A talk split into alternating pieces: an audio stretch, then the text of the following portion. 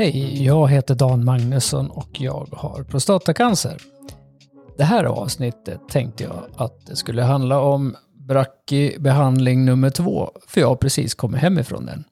Och eh, jag tänkte förmedla några intryck på plats faktiskt. Eh, återigen då har jag använt eh, mobilen och mikrofonen i den så det låter väl sådär men det är okej okay i alla fall. Eh, sen tänkte jag nog försöka avsluta också med någon slags eh, summering då av intrycken från Uppsala och behandlingen där och vad jag har lärt mig mer. Så det kommer här.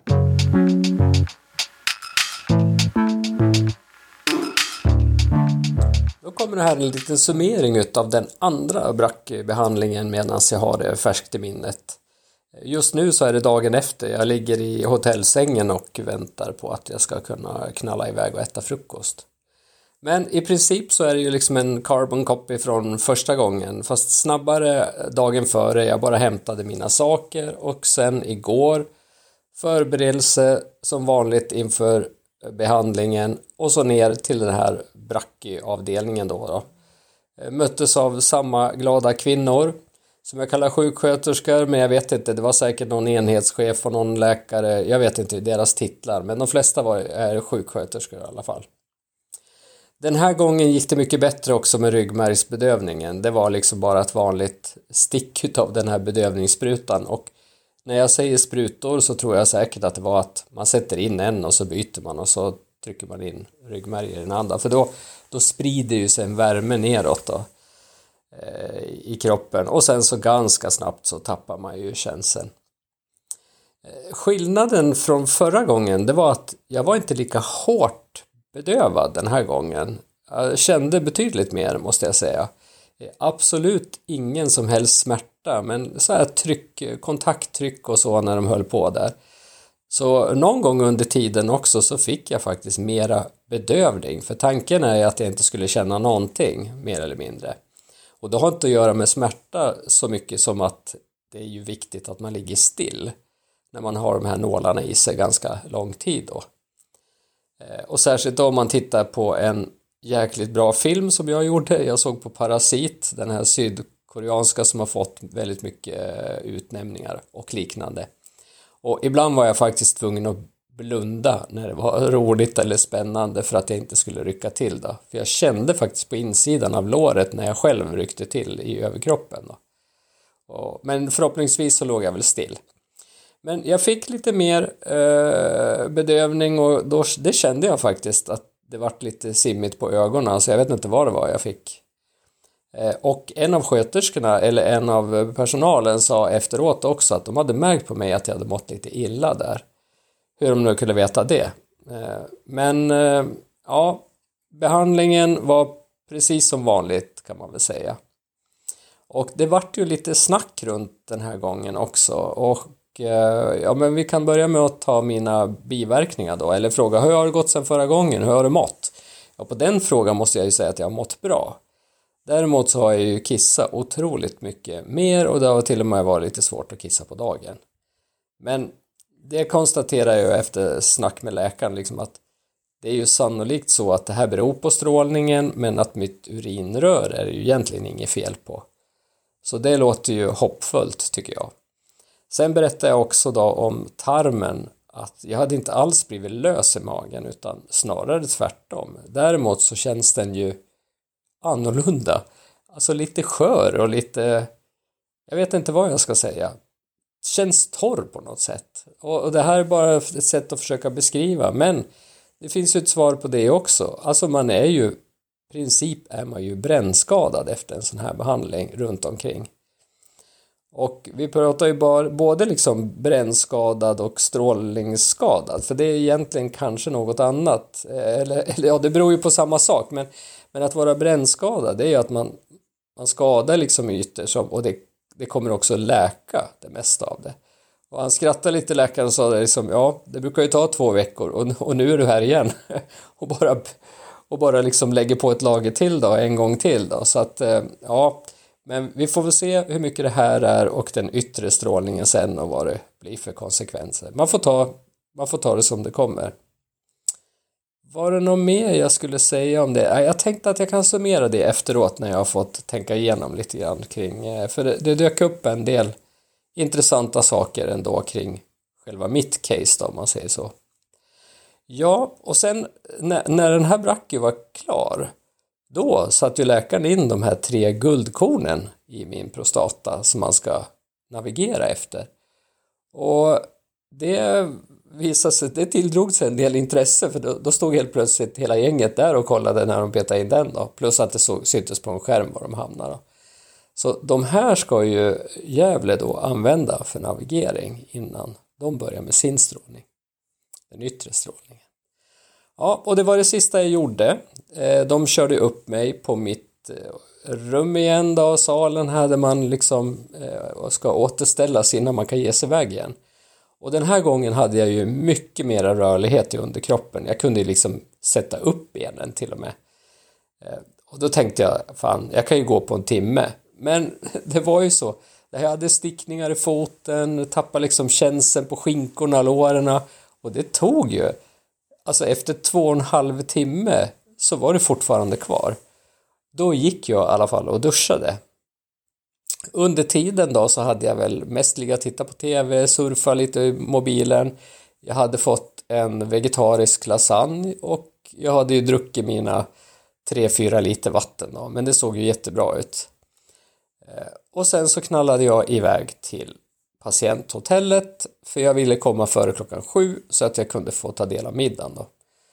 Eh, så jag hämtade mat där och sen träffade jag också sköterskan som är på hotellet.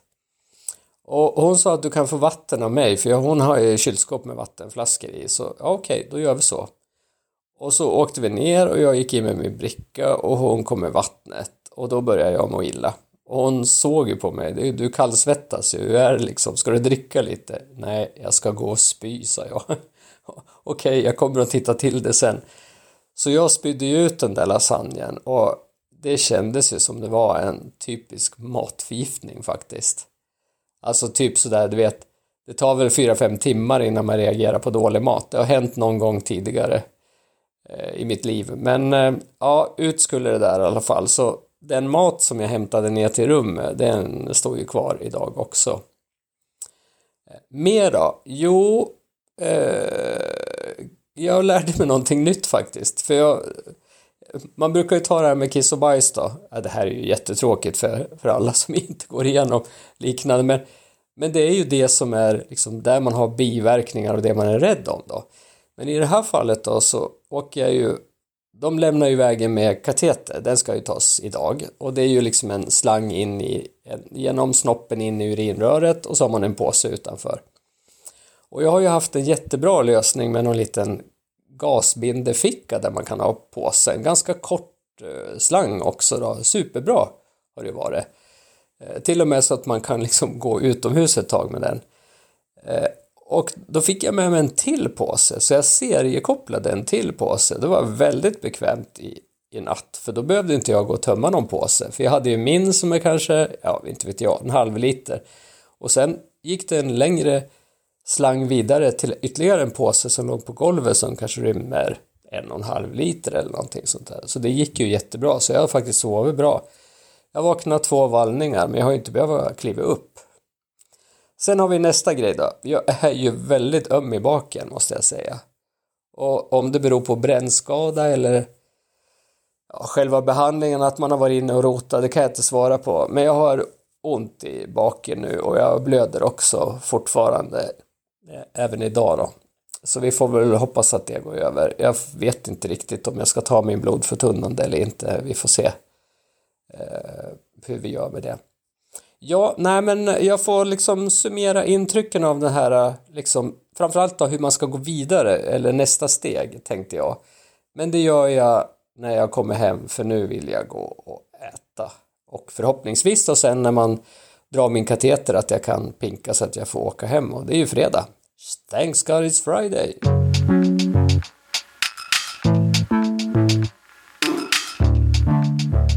Jag måste ju åter då bara berömma Uppsala för framförallt för den vård som man har fått och bemötande. Det känns liksom, nej, det har varit annorlunda här helt enkelt. Jag tycker det.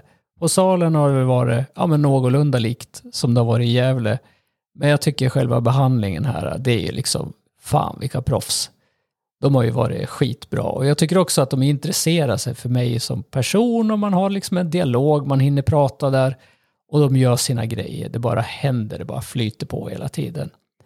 Det märks att det är experter och specialister på det här. Och de verkar verkligen trivas med det de gör. Liksom kul tillsammans också. De är säkert stolta. Eh, sen några ord om patienthotellet också, för det är ju ett ganska fint hotell ändå. Med fina dubbelrum, gott om plats, det är sån här fönsterruta som man kan ha mellan toan och eh, rummet. Och, ja, men det är ju folk som bor där längre. Jag pratade ju med några som hade bott där, ja, men de behandlas i sex veckor och är där hela tiden, och åker hem på helgerna. Och det är jättefint där och mycket bra sköterskor också som har varit. Och de är ju på plats. Jag menar, de var ju tre meter ifrån mitt rum, bodde ju, eller hade ju de sitt rum då. Eh, och det var ju ofta en som var liksom jourhavande om man säger så. Då. Så här skulle verkligen ett äldreboende se ut. Bra mat, fantastisk frukost. Äh, jättebra tycker jag. Äh, återigen då till själva brachyterapin här, för det dök ju upp lite nyheter. Då. Eh, alltså det här är ju liksom, bracken är ju, det är ju två verkligen boosterbehandlingar. Eh, man skjuter ju på bra med strålning i de här nålarna som de sticker in. Och jag har läst någonstans att det är så här 10 gray per styck, men när man översätter det här så motsvarar det här alltså fem veckors yttre strålning. Och det gör man på två gånger. Och, och det, det, här kan man ju ösa på då, för eftersom man är där inne så kan man ju ha högre strålningsstyrka och ändå ger det mindre strålningsskador än vad man får vid yttre strålning. Och kanske också då en större chans att få död på tumörerna. Eh, jag läste förresten redan idag, hade de ju skrivit in, det var 18 nålar en gång. Vad, vad gjorde de av den 19? Tänkte man. Sen, sen har jag också, jag pratade lite med en sköterska, hon var inte bra på det här och jag var kanske inte heller bra, men nu börjar jag liksom förstå att det finns två stycken olika terapier. En som är sån här lågdos där man petar in de här radioaktiva kornen då, som får sitta kvar och sen bara klinga ut. Och sen den här högdos då, som jag har varit med om. Där man sätter in nålar och sen är det någon maskin som bara öser på med radioaktivitet. då. och det här ägnar de ganska lång tid åt under själva behandlingen, de här tre timmarna som jag är här. Då är det ju en fysiker och läkare som kör en massa program och räknar ut hur de ska optimera det här på bästa sätt. Då, för att, ja, för att, min, lite biverkningar och, och hög effekt på på eh, tumörerna då. Eh, ja och, ja, och det har jag inte nämnt tidigare, men det såg jag nu, det står ju och det har jag varit med om. Alltså när de har satt in det så tar de också en röntgenbild och kollar så att de har satt dem eh, riktigt, de här nålarna också. Ingen benkontakt stod det och det kan man ju tacka för. att de inte kör in nålen i benen. Men, nej, men det, jag tycker det där verkar riktigt bra. Och sen så fick jag några ord också med den opererande, tänkte jag säga, läkaren, eller den som ja, utför det här då. Och eh, jag frågade det här med lymfkörtlarna. Och han menar på att Eh, det finns ju inga säkra bevis för att den här behandlingsmetoden, att det skulle göra någon skillnad. Men det gör de. De brukar, i Uppsala, har de en sån här kombinerad inre och yttre strålning, då strålar de också lymfkörtlarna. Och Stockholm gör likadant, sa han. Och det här är lite kul när man pratar med en expert. För något som jag har efterfrågat när det, tidigare när det gäller liksom, när jag ställt frågor till Gävle, pratar ni inte med varandra? Men det gör man ju i det här gänget i alla fall. Alltså då tänker jag då specialister på Brachy som de nu gör. Och Uppsala och Stockholm, man liksom det är andra gången jag hör att de har liksom koll på varandra. Så ja, så det, det är en fråga som jag får driva vidare då med Gävle. Och de kanske redan har planerat också, det återstår att se. Sen talar jag lite grann med en sköterska bara sådär ändå om utfallet av strålning. Och de, hon sa ju det, du får ju räkna med liksom upp till ett år nu att eh, efter det här, eller under behandlingen och efter behandlingen, att PSA-värdet vid strålning, det kan ju gå, gå både upp och ner, så man har ju liksom ingen aning om det här utfallet av strålningen. Eh, och de vill ju liksom få en lugn och säga att ja, men det här följer vi upp hela tiden då. Men ingen kan ju veta utfallet av strålningen här. Och framförallt inte i senare skeden heller. Skeden då. Så det visar ju sig. Det är liksom, ja, man får ju bara hålla tummarna och sen fortsätta att bevaka det här. Då.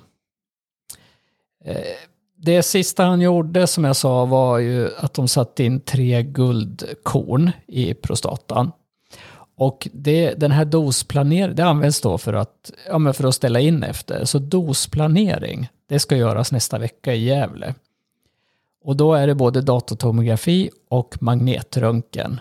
Och sen trodde Uppsala att jag skulle kanske få vänta någon vecka innan jag fick eh, börja stråla då. Vi har i alla fall fått kallelse till de här båda undersökningarna, eller ja, när de ska läsa av mig så att säga. Va? Eh, mm, det var väl ungefär vad jag kom på nu. Sen har jag kanske lite andra problem då. För på hemvägen från Uppsala, då mässade frun och berättade att hon har 38,2 grader, hon har feber, köp covid-test och Alvedon. Och det gjorde jag och så körde vi och hon är positiv. Fan. Det här var det jag minst önskade mig av allt. För jag vill ju själv inte ha någon hack i kurvan på min behandling. Man vill ju att det här ska gå inom sju veckor och jag tycker redan nu att det hamnar på 8-9. Så att om det här ska få effekt så ska det ju följas upp ganska snart med den här fem veckors yttre strålningen. Då. Så jag har ju liksom inte någon tid för att vara covid-sjuk. Så nu ligger hon i sovrummet, där får hon vara, hon får vara på stora toan, jag kör lilla toan och sen så tänker jag bädda gästrummet i natt. Och istället för att sonen kommer hit och lagar mat tillsammans med oss som man gör ibland, så tänker jag gå till honom nu och laga mat. Så, mm, vi hörs!